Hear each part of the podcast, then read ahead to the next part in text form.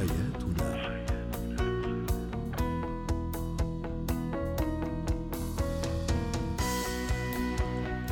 مستمعينا الكرام أهلا بكم معنا إلى برنامج حياتنا برنامجكم اليومي الذي يعنى بشؤون الأسرة وباقي الشؤون الحياتية الأخرى. هو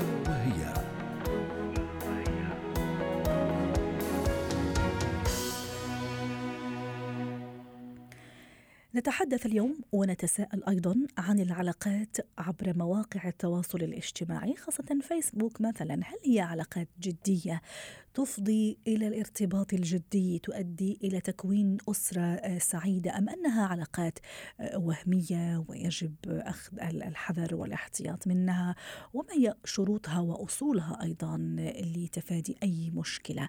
للحديث عن هذا الموضوع تنضم إلينا عبر الهاتف من بيروت ميسون حمزة الخبيرة التربوية سعد مساكي أستاذة ميسون. نتحدث اليوم كما قلت عن هذا النوع من العلاقات. هل هو جدي فعلا؟ هل يفضي دائما إلى نهايات سعيدة؟ ما رأيك؟ نعم. نعم. آه، مرحبا لك وللمستمعين. آه، في الحقيقة آه، هل يفضي إلى علاقات سعيدة؟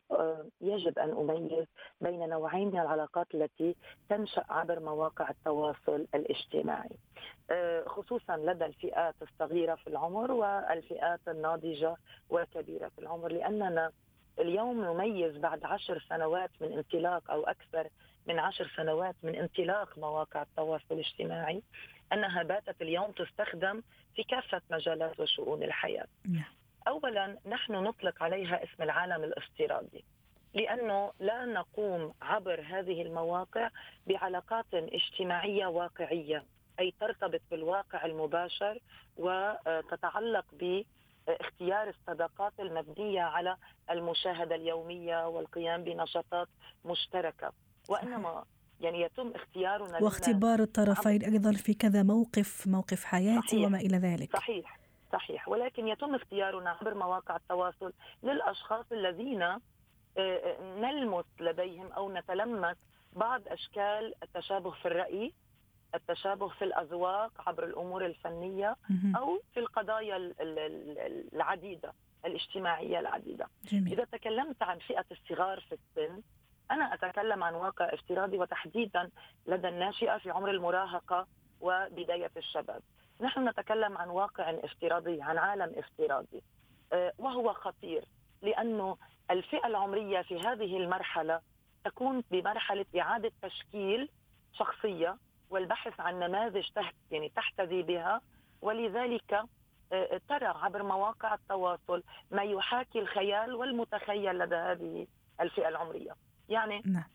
ماذا أبث من صور عبر مواقع التواصل وماذا يلفتني يلفتني ما يريد أن يؤكد لي أنني صح أنني على المثال لذلك نحن نخاف لدى هذه الفئة العمرية من أن تقوم بعلاقات عبر مواقع التواصل لأنها افتراضية ولا تحاكي ولا تحاكي إلا المتخيل لدى هذه الفئة جميل. ونحن نرى المخاطر الكثيرة التي آه، آه، تنجم عن هذا النوع من العلاقات سواء كان بالتحرش أم انتحال الصفات أم آه، التلاعب بالمشاعر وغيرها. أيوه اما إذا تكلمنا عن فئة عمرية ناضجة.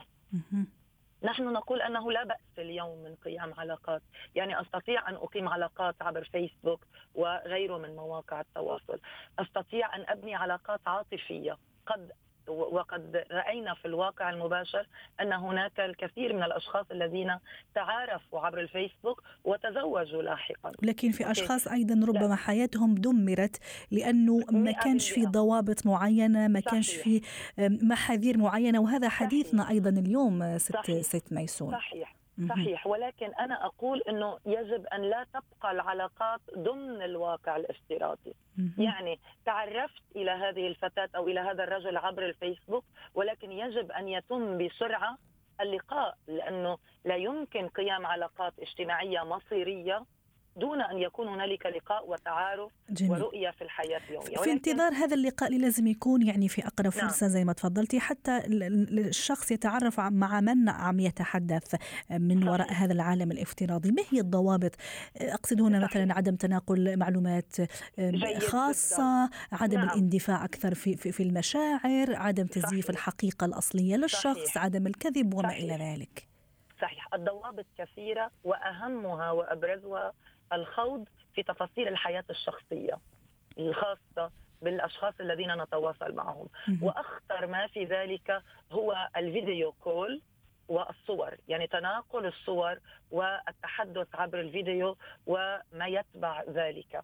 لأنه ذلك قد يحاكي الهوامات الموجودة لدى الأشخاص وقد يحاكي وعذرا هنا وسأقولها عبر الهواء اللذة والرغبة الكامنة والتي لا نستطيع أن نضع لها ضوابط عبر مواقع التواصل لأنه أرى أنني أنا أختلي بهذا الشخص دون أن يكون هنالك من يراقبني.